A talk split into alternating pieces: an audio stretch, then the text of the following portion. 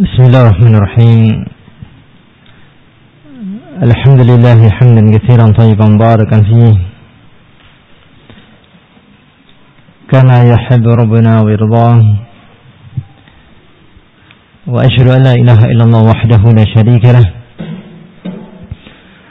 وأشهد أن محمدا عبده ورسوله. صلى الله عليه وعلى آله وصحبه وسلم تسليما مزيدا أما بعد. Saya masyarakat ikhwah rahimani wa rahmatullah Pada pembahasan sebelumnya telah disebutkan Muqaddimah dari Bab yang kesembilan Dari kitab As-Sawarif Anil Haq Karya Fadilat Syekh Hamad bin Ibrahim Al-Uthman Hafizahullah Ta'ala Yaitu Al-Kibr sifat sombong sehingga kapan seorang memiliki sifat kesombongan di dalam dirinya maka sangat dikhawatirkan dengan sifat kesombongan yang ada pada dirinya tersebut menyebabkan kebenaran itu lari darinya.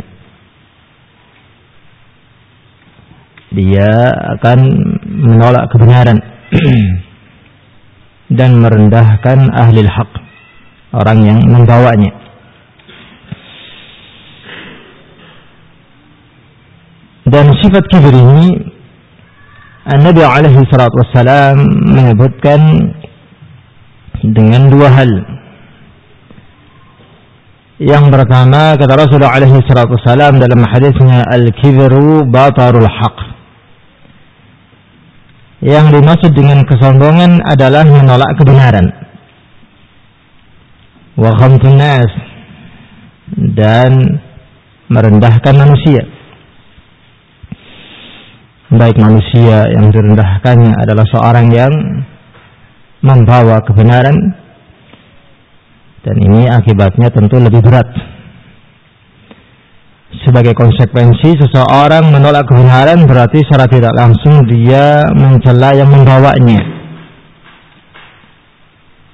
Seperti hanya seorang yang tidak menerima nasihat dan menolak nasihat dari seorang yang alim berilmu dinasihatkan kepada dirinya. Kalau Allah Allah Subhanahu wa taala mengatakan demikian. Rasulullah alaihi salatu menyebutkan demikian dan demikian sehingga koreksi dari perbuatan hendaklah engkau demikian dan demikian dia menolaknya dia membantahnya orang yang menolak kebenaran biasanya nantinya dia akan terjatuh pada sifat kesombongan yang kedua. Dia akan merendahkan orang yang membawa kebenaran tersebut. Dia akan melecehkannya. Ini si fulan pada hakikatnya dia adalah seorang yang bukan berilmu. Namun bisanya dia mengatakan demikian dan demikian. Ataukah kenapa engkau memberikan nasihat kepada saya demikian dan demikian sementara kamu saja demikian dan demikian? Sehingga merendahkan orang yang menyampaikan kebenaran tersebut. dan ini lebih parah. Dibandingkan sifat sombong yang kedua yaitu ghamtunas. Seseorang merendahkan manusia. Seseorang yang merendahkan manusia ini tidak hanya seorang yang congkak merendahkan orang yang membawa kebenaran nasihat tatkala menyampaikan kepada dirinya. Namun seorang yang merendahkan manusia bisa bentuknya disebabkan karena orang yang direndahkannya adalah seorang yang fakir. Sementara dia seorang yang kaya. Apakah seorang yang kuat merendahkan seorang yang lemah? Seorang yang pintar merendahkan seorang yang jahil. Seorang yang cerdas merendahkan seorang yang bodoh. Dan yang semisalnya. Ini termasuk dari sifat kesombongan. Ini termasuk dari sifat kesombongan. yang akan menafikan sifat tawadu. tidak menutup tidak menutup kemungkinan awal dari sebab kebinasaan seorang adalah pada kesombongan yang pertama. Awalnya dia bangga dengan hartanya. Dia bangga dengan kemuliaannya. Dia bangga dengan pangkatnya, akhirnya merasa rendah orang yang tidak sebagaimana dirinya. Dia merendahkannya, dia melecehkannya, dia menghinakannya. Awalnya demikian. Namun kalau semisal sifat ini tidak dia perbaiki, tidak dia berupaya untuk kemudian uh, melakukan perbaikan, akan terjatuh ke dalam sifat kesombongan yang lebih parah dari hal tersebut. Karena tidak menutup kemungkinan terkadang seorang yang rendah dari orang-orang yang direndahkannya datang menemuinya dalam rangka untuk menasihatinya. Seharusnya kamu itu seperti ini. Tidak boleh demikian dan demikian awalnya memang tabiatnya adalah orang yang suka merendahkan orang yang tidak sebagaimana dirinya. Akhirnya tatkala orang yang tidak sebagaimana dirinya menyampaikan kebaikan dia rendahkan pula. Dia lecehkan. Dia hinakan. Waliyadzubillah. Dan ini lebih dahsyat lebih asyad lebih parah dibandingkan yang pertama yang tadi kita sebutkan. Tidakkah kita mengetahui bahwasanya sebab musabab kufurnya dan terlaknatnya iblis disebabkan karena kecongkakan pada dirinya. Menganggap bahwasanya dia lebih awal, lebih utama dibandingkan Adam. Dia lebih utama dibandingkan Adam alaihi salatu wassalam terlihat kekufurannya pada saat Allah Subhanahu wa taala memerintahkan mereka seluruhnya untuk sujud kepada Nabi Adam alaihi salatu wassalam fasajada al-malaikatu kulluhum ajma'un illa iblisa aba wastakbar. Maka sujudlah para malaikat-malaikat Allah seluruhnya kecuali iblis. Dia sombong dan dia enggan dari mentaati perintah Allah Subhanahu wa taala Allah menanya, menanyakan kepada iblis, "Ma mana'aka an tasjuda lima khalaqtu bi yadayya?" Apa yang menghalangi engkau wahai iblis untuk sujud kepada Adam yaitu satu makhluk yang saya ciptakan dengan kedua tangan saya. Apa kata iblis? Khalaqtani min narin wa khalaqtahu min tin.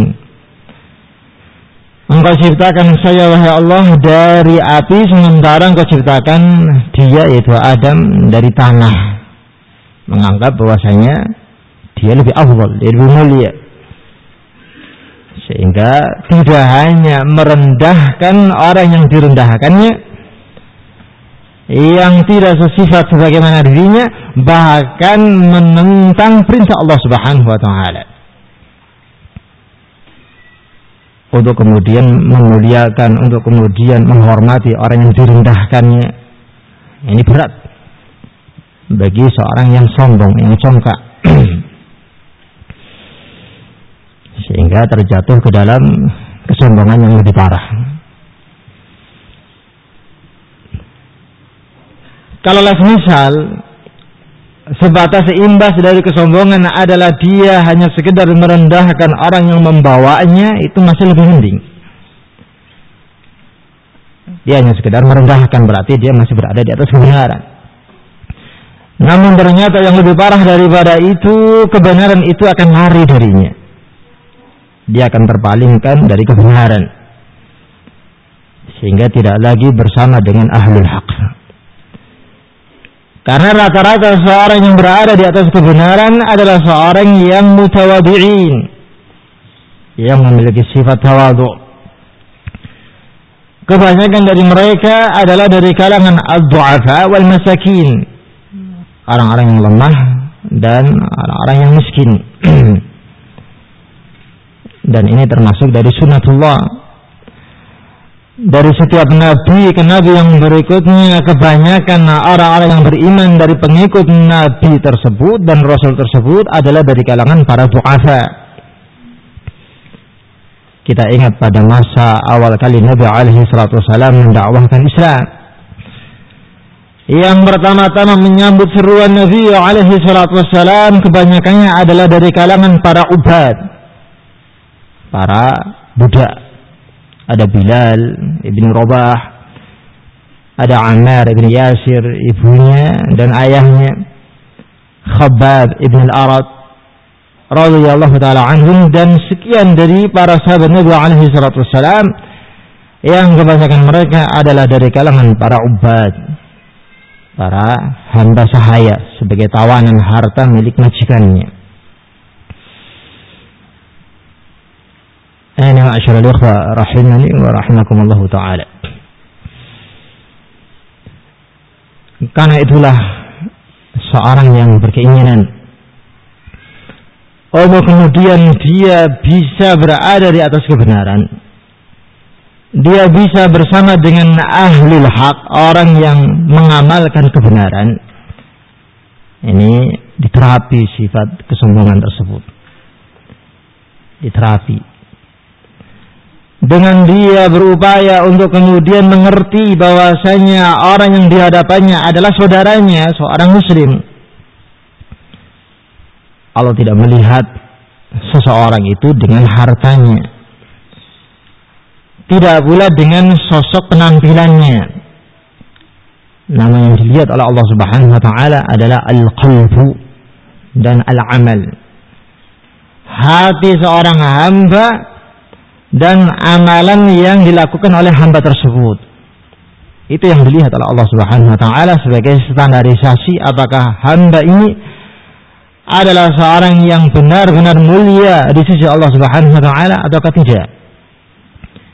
Kata Nabi alaihi salatu wasalam dalam hadis yang diriwayatkan oleh Imam Muslim rahimahullah, "Inna Allah la yanzuru ila ajsamikum wala ila suwarikum, walakin yanzuru ila qulubikum wa amalikum."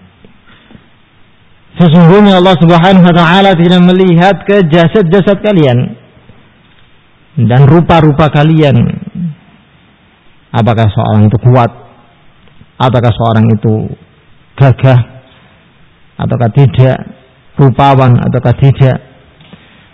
Tapi sesungguhnya yang dilihat oleh Allah Subhanahu wa taala adalah qulubikum wa amalikum, hati-hati kalian dan amalan-amalan kalian tidak melihat ke penampilan dan perawakan. Sehingga seorang muslim wajib untuk kemudian menanamkan hal ini di dalam jiwanya. Meyakini bahwasanya dia ataukah uh, alikhwan saudara-saudara yang berada di, di sekelilingnya adalah seorang muslim. Adalah seorang muslim yang bisa jadi tidak menutup kemungkinan mereka lebih baik dibandingkan dirinya. Tidak menutup kemungkinan bahwasanya orang yang berada di hadapannya itu lebih afdal dibandingkan dirinya. Kalau sifat tawadhu itu diistilahkan dalam bahasa Indonesia kan rendah hati. Ini orang ini rendah hati. Artinya sering merendah. Sering merendah Walaupun dia afdal, tapi dia merendah. Artinya merendah adalah memposisikan dirinya untuk menyesuaikan dengan orang yang berada di hadapannya. Eh diam nih. Eh utbah. Sebenarnya artilah diam. Cewer nanti kamu tuh. Diam. Sehingga dia dia berupaya untuk kemudian bisa menempatkan arah pembicaraan dan menyikapi dengan satu sikap menyesuaikan orang yang dihadapannya. Seperti seorang yang kaya, tatkala berbicara dengan seorang yang fakir, yang miskin, maka dia menyesuaikan. Dia menyesuaikan. Ataukah seseorang yang cerdas berbicara dengan seorang yang jahil, dia menyesuaikan. Nah, ini orang yang dihadapannya adalah seorang yang kurang paham maka dia menyesuaikan. Sebagaimana seorang yang sehat tentulah tatkala bercakap dengan temannya yang dalam keadaan sakit, dia menyesuaikan ya kan pembicaraannya. Terkadang dia berbicara dengan diri karena takut apa namanya mengganggunya. Atau terkadang dia berbicara seringnya adalah berbicara dengan pembicaraan yang dilandasi dengan sifat rahmat.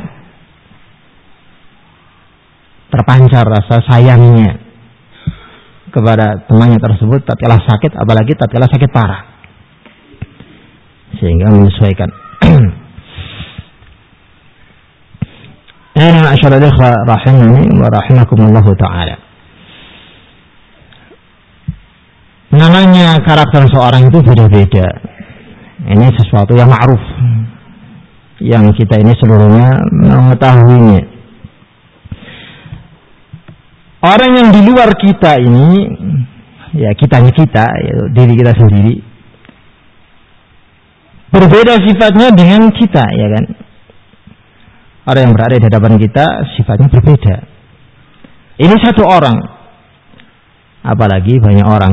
Nabi alaihi salatu wasallam menyebut dalam hadis yang sahih, "Inna nasa kal ibilil mi'ah." La takadu tajidu minha rahilah. Sesungguhnya manusia-manusia ini yang banyak sifat-sifat mereka itu dari satu orangnya seperti halnya sekawanan seekor unta yang berjumlah seratus. Sekawanan unta yang berjumlah seratus ekor. Kal ibilin mi'ah. Tatkala seorang hendak membeli seratus ekor eh, dari seratus ekor unta itu dia akan membeli satu ekor unta. Nabi alaihi salatu wasallam menyebutkan hampir-hampir saja orang yang hendak membeli satu ekor unta dari seratus ekor unta yang ada tersebut hampir-hampir saja dia tidak menjumpai adanya unta yang sifat-sifatnya sesuai dengan uh, sifat pilihannya. Dia ingin memiliki seekor unta yang kuat, yang penurut, yang tidak loyo, dan cepat larinya.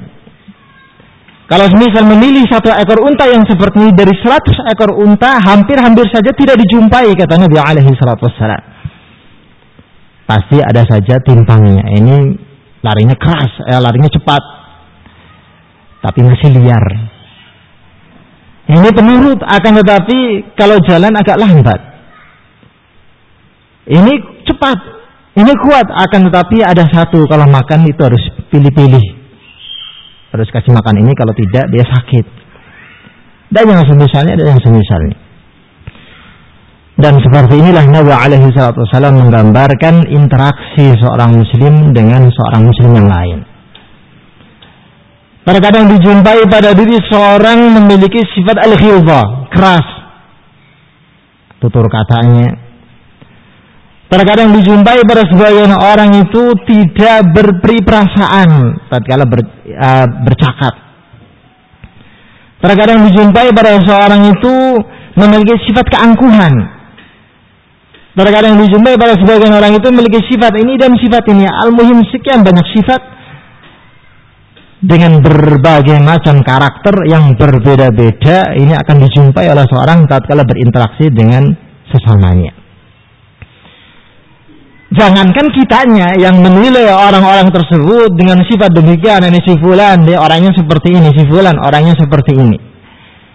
Orang yang dinilai oleh dirinya sendiri, tatkala menilai dirinya yang menilai itu sama. Nah, ini dia itu seperti itu. Nah, ini penilaian orang seperti ini. Dan ini adalah sesuatu yang wajar. Demikian apa namanya yang semestinya. Dijumpai demikian pula uh, tatkala dicermati oleh seorang akan menjumpai keadaan yang demikian. Sehingga seorang muslim yang cerdas adalah bisa memposisikan dan menempatkan seseorang sesuai dengan karakternya dan sifatnya masing-masing. Ini orang tidak suka tersinggung Nah, ini kita berbicara hati-hati. Kalau semisal dia tersinggung ucapannya kemudian diberitakan si fulan dia tersinggung kepada dirimu. Nah, ini memprovokator, memprovokasi. Nah, ini dia sadar, ah, ini si fulan memang orangnya seperti itu. Mudah tersinggungan. Dia menyikapi dengan sifat yang wajar. Si fulan orangnya terlalu keras. Tatkala emosi tidak bisa untuk kemudian mencermati dan memahami apa yang diucapkannya maka dia sifati seorang tersebut sebagaimana sifatnya. Tapi kalau berbenturan dengan dirinya dia menganggap itu sebagai kewajaran. Karena memang tabiatnya seperti itu. Anzilun nasa manazilahum. Kita diperintahkan untuk kemudian memposisikan manusia sesuai dengan karakter, sifat, kedudukan, posisinya yang dimiliki oleh mereka masing-masing yang berbeda dengan diri kita sendiri. Kalau salah seorang bisa memahami yang seperti ini, kemudian mengupayakan untuk kemudian bisa memposisikan diri seseorang dari sisi pembicaranya sesuai dengan sifat-sifatnya, mengerti pula hak saudaranya sebagai seorang muslim, maka secara bertahap akan hilang darinya sifat kesombongan secara bertahap akan hilang darinya sifat kecongkakan. Ini ma'asyiral ikhwa rahimani wa rahimakumullah taala. tidak menafikan dan tidak menutup kemungkinan memang pada sebagian daerah ada yang dari kecil sampai dewasanya terbina dengan akhlak dan adab yang baik memiliki sifat tawadhu ini sudah menjadi tabiat karakter penduduk satu negeri atau satu daerah tertentu. Ini ma'asyiral ikhwah rahimani wa taala. Akan tapi pada sebagian daerah tidak demikian. Ada yang dari sisi karakter masyarakatnya berbeda dengan yang pertama. Ini menunjukkan bahwasanya terjadi perbedaan sifat. Tidak hanya antara satu individu dengan individu yang lain bahkan satu daerah dengan daerah yang lain dan alhamdulillah dari beberapa cerita para asatidah terkhusus negeri kita Indonesia ini termasuk dari penduduk yang terkenal memiliki adab yang baik di lingkungan negara-negara internasional. Seringnya mereka sampaikan para juga kita fudola dari penuturan para apa namanya mereka orang-orang yang belajar di luar negeri. Orang Yaman memuji orang Indonesia ramahnya dan tidak sombong beradab tenang orang Saudi juga demikian memuji orang Indonesia baiknya ramahnya dan yang semisalnya ini rahimani wa rahimakumullah taala sehingga mereka pun akhirnya ramah kepada mereka yang belajar di negeri mereka. Ini termasuk dari kemuliaan. Sebagian para masyayikh yang kita undang di negara kita saja tatkala menyampaikan muqaddimah muhadharah itu menyebutkan mengingatkan penduduk Indonesia ini tentang sifat akhlak yang Allah Subhanahu wa taala jadikan sebagai jibiliyah watak mereka yang ramah, yang baik. Namun dari penuturan sebagian mereka di antaranya sehingga saya Syekh Khalid Al-Zafiri Habibullah ada satu sifat yang beliau lihat di negara kita ini bertentangan dengan syariat. Yaitu sifat ramah akan tetapi terlalu ramah. Tatkala melewati seseorang atau tatkala berpapasan dengan seseorang yang mulia atau seorang syekh yang alim atau ustad dia terlalu merunduk terlalu merunduk kalau jalan itu kan merunduk sekali tuh. Ini seru pak permisi pak. Walaupun ucapannya kasar permisi pak. Tapi merunduk dia. Merunduk ini sudah menjadi kebiasaan. Apakah tatkala hendak menyuguhkan satu sungguhan sambil ngerunduk. Nah, menyerupai ruku. Nah, para masyayikh kita menganggap bahwa ini adalah sebagai satu sifat yang tercela. Terjatuh ke dalam sifat ta'zim. Mengagungkan satu makhluk dengan bentuk pengagungan yang hanya khusus dimiliki oleh Allah Subhanahu wa taala Rabbul Alamin. Di antara bentuk pengagungan yang khusus itu adalah ruku. Ya kan? Ruku. Rukunya seseorang tidaklah diberikan kecuali hanya kepada Allah Subhanahu wa taala saja. Sehingga mereka mengkritisi kita dengan apa namanya sifat yang tadi kita sebutkan. Maka kalau berjalan biasa saja, jangan merunduk-merunduk. Apakah semisal mau permisi jangan terlalu merunduk-merunduk. Biasa. Dia bilang, oh kurang adab. Nah, ini adab yang diajarkan dalam Islam seperti ini kita tidak dibolehkan untuk kemudian terlalu memuliakan seseorang dengan akhirnya memberikan konsekuensi memberikan salah satu jalur jenis ibadah yaitu ar-ruku kepada makhluk. Dan ini dikhawatirkan terjatuh ke dalam kesyirikan. Dan ini yang diingatkan oleh mereka para al-ulama.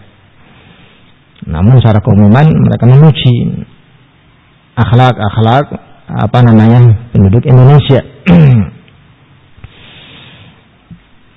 Namun tidak kemudian menutup kemungkinan kita saja sebagai warga negara Indonesia melihat masyarakat kita memiliki berbagai macam karakter yang berbeda-beda. Itu di negara kita yang terkenal di lingkungan internasional sebagai penduduk yang ramah. Apalagi negara yang lainnya. Ya, rahimani wa rahimakumullah ta'ala sehingga dibenahi. Adanya sifat kesombongan itu bahaya. Kalau misalnya seorang menyadari pada dirinya ada sifat sombong, maka hendaklah banyak-banyak membaca sirah para salafun saleh. Baca sejarah mereka. Yang apabila dia membaca sejarah-sejarah mereka, akan apa namanya mendapatkan pelajaran demikian pula faedah yang demikian besar. Dan ini di antara hikmah Allah Subhanahu wa taala jadikan sepertiga dari isi Al-Qur'an berbentuk al-qasas, cerita-cerita.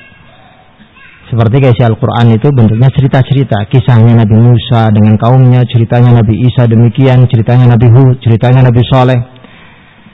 Cerita Nabi alaihi salatu wassalam artinya berbentuk cerita.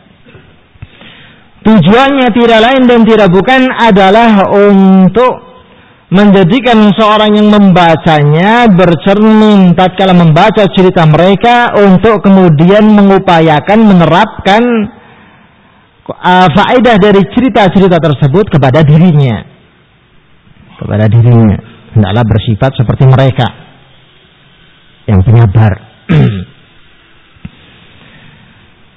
Seperti hanya satu kisah tatkala Nabi alaihi salatu wasalam didatangi oleh Dhul Khuwaisirah. Yang dengan kasar mengatakan kepada Rasul i'dil ya Muhammad berlaku adillah wahai Muhammad. Menuduh bahwa Rasul alaihi salatu wasalam seorang yang tidak adil.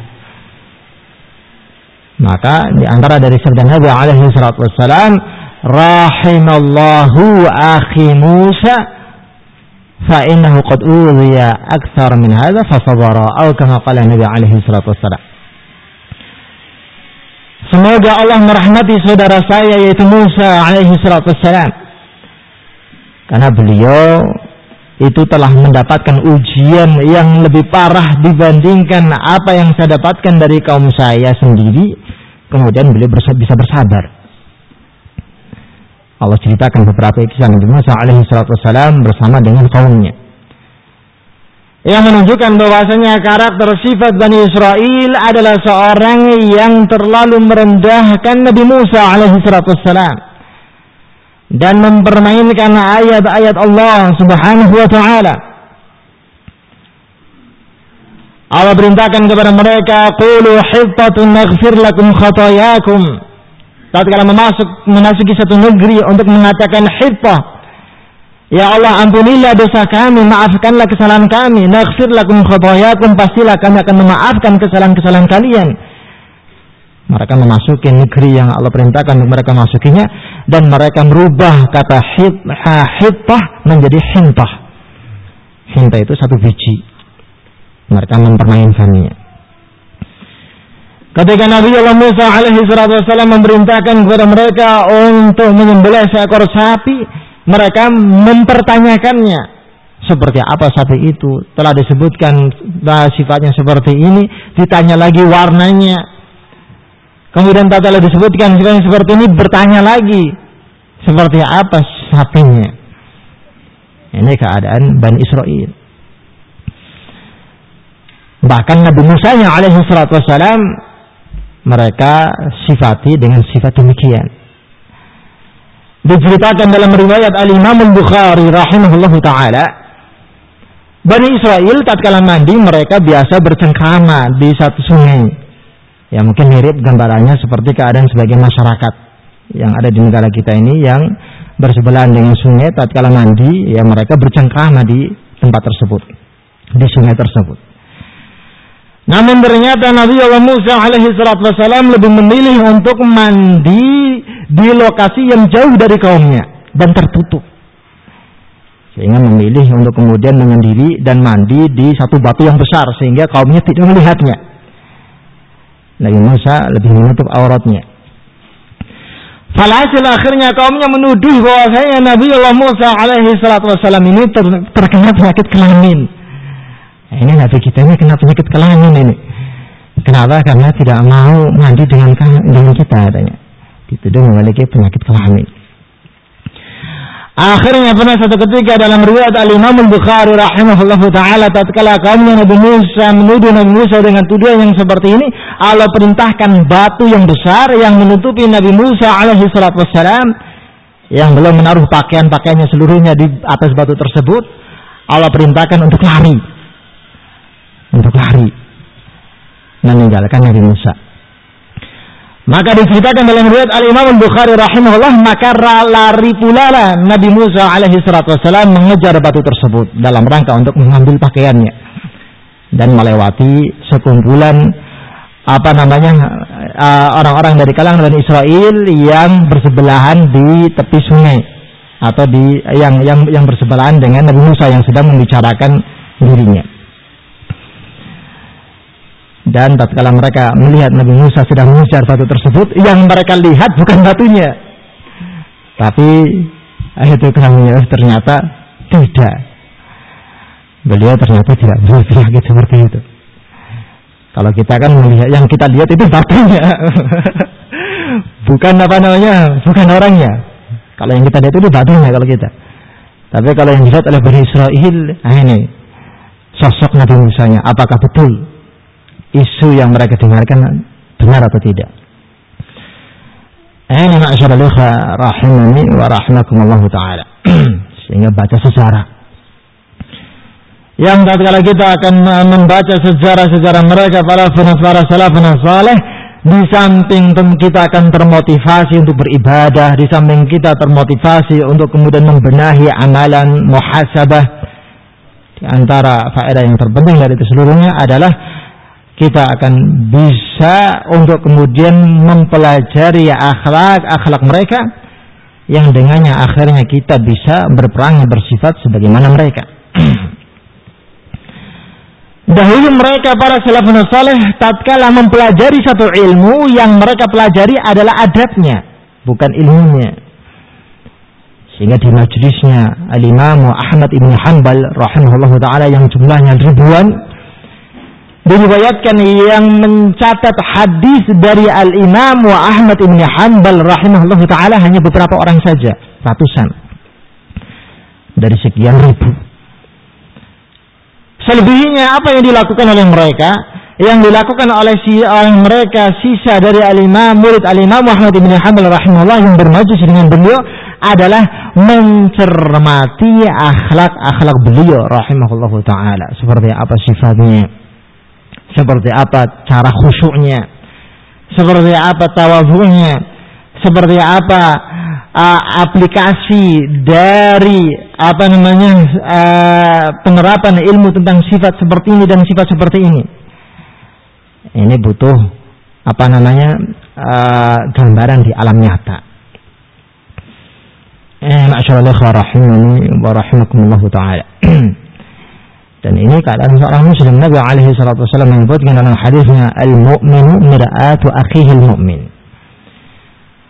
Seorang mukmin itu adalah sebagai cermin untuk diri seorang untuk saudaranya seorang mukmin yang lain.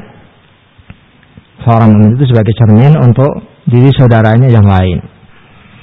Sehingga tak kalau saudaranya salah, dia nasihati. Apakah mungkin kalau semisal dia ingin untuk kemudian mengambil satu faedah akhlak atau keadab atau yang semisalnya maka dia lihat di antara teman-temannya tersebut yang memiliki sifat rendah hati itu siapa? Dia pelajari, oh itu ternyata praktek dari sifat tawadu itu seperti ini. Karena yang namanya belajar itu tidak hanya mempelajari teori. Tawadu itu seperti ini, keutamanya seperti ini. Sombong itu seperti ini, prakteknya seperti ini. Namun pelajaran yang lebih berharga dari itu seluruhnya adalah praktek melihat sosok seorang yang tawadu itu seperti apa. Melihat secara jelas gambaran seorang yang sombong itu seperti apa sehingga bisa menerapkan pada sifat-sifatnya untuk kemudian dia evaluasi. Oh ternyata yang seperti ini sombong. Oh ternyata yang seperti ini tidak bagus. Oh ternyata yang seperti ini akan bertentangan dengan sifat tawadu. Oh yang seperti ini ternyata rendah hati, yang seperti ini ternyata sopan, yang seperti ini ternyata adat. dengan semisalnya. Dengan praktek. Ya, masyaallah ikhwah rahimani wa rahimakumullah taala. Disebutkan oleh Syekh Hamad bin Ibrahim Al-Uthman hafizahullah al-kibru huwa alladhi hamala iblis 'ala al-kufri billahi 'idada. Kesombongan adalah satu sifat yang membawa iblis untuk kufur terhadap Allah Subhanahu wa taala dan tidak menjalankan perintahnya. Wa khurujan an ta'atihi keluar dari mentaati Allah Subhanahu wa taala. Ini bahaya. Akibat dari sifat kesombongan seperti ini kufur kemudian tidak mau mentaati Allah Subhanahu wa taala Allah perintahkan kepada seorang muslim untuk bersifat rendah hati seorang yang sombong berat untuk mempraktekannya Allah perintahkan seorang muslim untuk memiliki sifat halim. Halim itu artinya bisa menjaga ucapannya, perbuatannya tatkala marah mendominasinya. Sehingga seorang yang halim adalah seorang yang penyabar, yang santun. Seorang yang pemarah tidak bisa mempraktekannya dan berat untuk mempraktekannya. Allah perintahkan seorang muslim tatkala berbicara dengan kawannya untuk berbicara dengan lembut, dengan lemah dengan lemah dengan apa namanya dengan santun seorang yang kasar tutur katanya berat untuk mempraktekannya Allah perintahkan seorang yang terhormat seorang yang kaya seorang yang rupawan untuk kemudian memiliki sifat rendah hati kepada seorang yang tidak bersifat sebagaimana dirinya seorang yang sombong berat untuk kemudian mempraktekannya sehingga dia dengan praktek amalan zahir yang ditampakkan kepada dirinya sendiri terseminkan dia membantah demikian pula tidak mentaati Allah Subhanahu wa taala. Dia melanggar perintah Allah dalam bab al-akhlak. Dia langgar syariatnya Rasulullah alaihi salatu wasallam dalam bab adab. Sehingga perlu untuk kemudian diadakan perbaikan.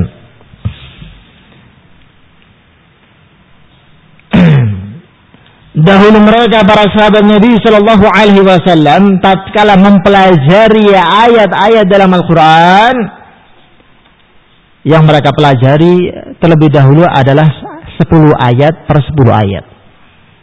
Mereka tidak mau untuk kemudian melampaui dari 10 ayat yang mereka pelajari tersebut sebelum mereka bisa mendapatkan faedah ilmu, fikih, demikian pula akhlak dan adab yang terkandung di dalamnya.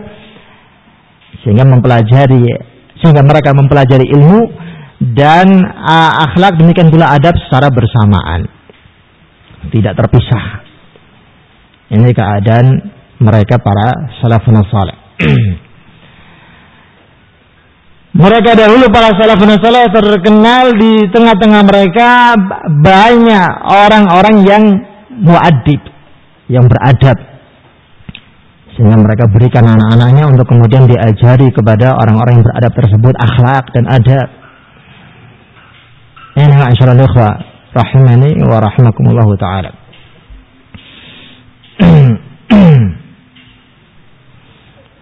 Sehingga kita pelajari kita apa namanya uh, didik di samping diri diri kita demikian pula putra putri kita untuk kemudian terbina dengan akhlak akhlak yang mulia.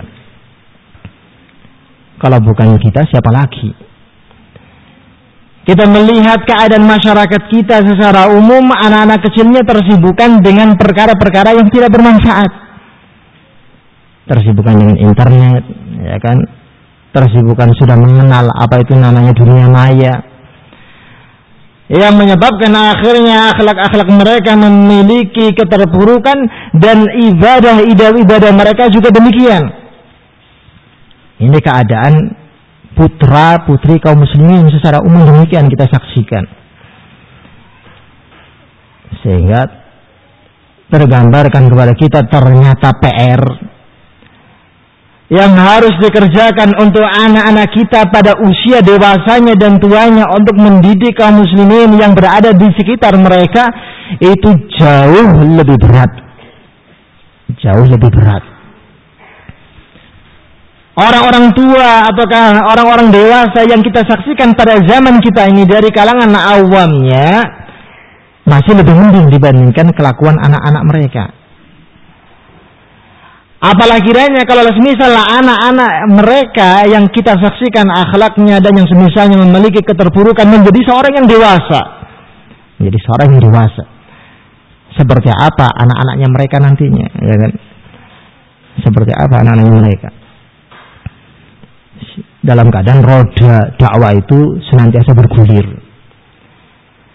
Sekarang berada di tangan kita untuk kemudian nantinya berpuluh tahun ke belakang akan kita berikan, akan kita pasrahkan kepada anak cucu kita, ya kan? Putra putri kita sendiri.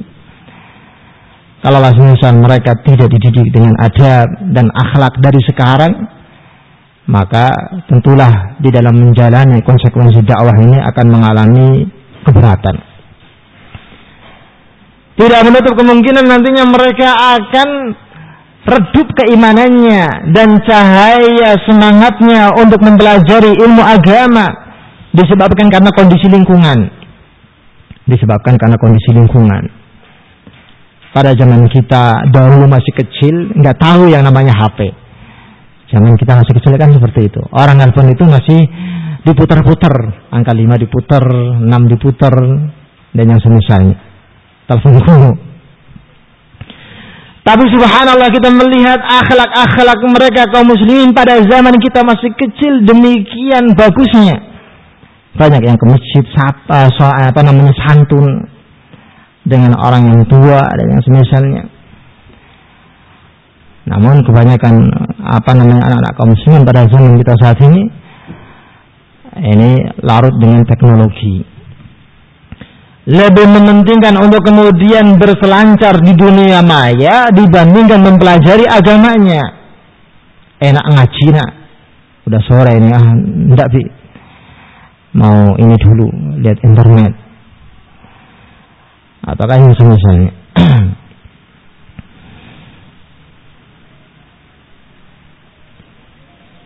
dan tentulah dan tentulah anak-anak kita nantinya ke depan akan bisa lebih baik dibandingkan kita. Itu sebab musabab ter terbesarnya di antaranya adalah orang tua. Nasib seorang anak itu kan tergantung orang tuanya. Kalau misal orang tuanya adalah seorang yang pandai mendidik mereka, maka tidak menutup kemungkinan nantinya mereka akan terbina menjadi satu generasi yang bagus yang mulia akhlaknya dan yang semisalnya. Namun kalau orang tuanya sendiri saja mempraktekkan kepada anaknya sifat-sifat seperti itu, ya nantinya anaknya akan demikian. Dimulai dari keluhan-keluhan sebagian santri atau santriwati kepada orang tuanya, bi teman saya itu tadi dikasih bolpen ternyata dipecah bolpennya. Sifat seorang yang menyenangkan akhlak yang baik akan mengatakan kepada anaknya, sudah nak, tidak apa-apa nanti Abi belikan yang baru udah nggak usah disinggung lagi. Kalau semisal orang tuanya mengatakan kepada anaknya, kurang ajar itu anak siapa itu? Sudah dikasih pinjol dan ternyata kamu pecah itu. Nanti kasih tahu lagi siapa namanya. Nah ini sudah mengajarkan akhlak yang baik. ternyata praktek itu lebih bermanfaat dan mengena dibandingkan teori. Ini masyarakat ikhwa rahimani wa rahmatullah ta'ala. Dan pembahasan akhlak ini jauh lebih penting walaupun sama-sama penting dengan ilmu yang sifatnya teori. Betapa banyak masyarakat ikhwa rahimani wa rahmatullah seorang yang hafal Al-Quran akan tetapi ternyata akhlaknya jelek. Betapa banyak seorang yang hafal hadis demikian banyaknya pandai bahasa Arabnya ternyata dia memiliki akhlak terang yang buruk. Dan tak sedikit orang yang seperti ini. Kita melihat dahulu orang-orang yang memiliki kecerdasan demikian pula kekuatan hafalan menjadi seorang yang jatuh dan hina wal billah disebabkan karena akhlaknya. Sehingga pembahasan akhlak itu hendaklah dinomorsatukan dididik dengan semaksimal mungkin dan seoptimal mungkin dimulai dari diri kita sendiri keluarga kita anak-anak kita yang nantinya kalau misal mereka menjadi keluarga yang baik akan bisa mendakwahkan kepada orang yang lain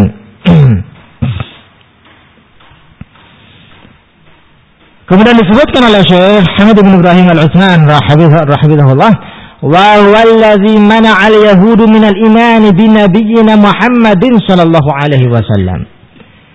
Sifat sombong inilah yang menghalangi orang Yahud untuk mau beriman dengan Nabi kita Muhammad sallallahu alaihi wa ala alihi wasallam. Ma'a ma'rifatin bi sihhati nubuwwatihi kama ya'rifuna abna'ahum dalam keadaan mereka mengenal kenabian beliau sallallahu alaihi wasallam sebagaimana mereka mengenali anak-anak kandung mereka sendiri. Ya'rifunahu kama ya'rifuna abna'ahum. Mereka mengenal mengetahui Nabi alaihi salatu wasallam benar-benar menjadi seorang nabi, menjadi seorang rasul sebagaimana mereka mengetahui anak-anak mereka sendiri. Namun kenapa mereka meninggalkan ilmu? Namun kenapa mereka meninggalkan kebenaran bahkan menentang kebenaran dan musuhi kebenaran? Disebabkan karena sifat kesombongan. Sifat sombong. Mereka mengharapkan Nabi tersebut adalah dari sukunya, akan Nabi ternyata Allah jadikan Nabi tersebut dari suku Arab. Yang suku Arab tersebut adalah lawan mereka, Yahud, sering bertengkar, berseteru antara orang Yahud dengan suku Arab sehingga mereka iri dan tidak menyukainya. sehingga Allah sebutkan dalam Al-Quran hasadan min indi anfusihim min ba'di ma tabayyana lahumul haq. Sebab-sebab mereka itu kufur adalah disebabkan karena hasad dari diri-diri mereka terhadap kaum mukminin mereka mengharapkan kenikmatan itu mereka miliki namun ternyata Allah berikan kepada kaum mukminin setelah nampak kepada mereka apa itu kebenaran.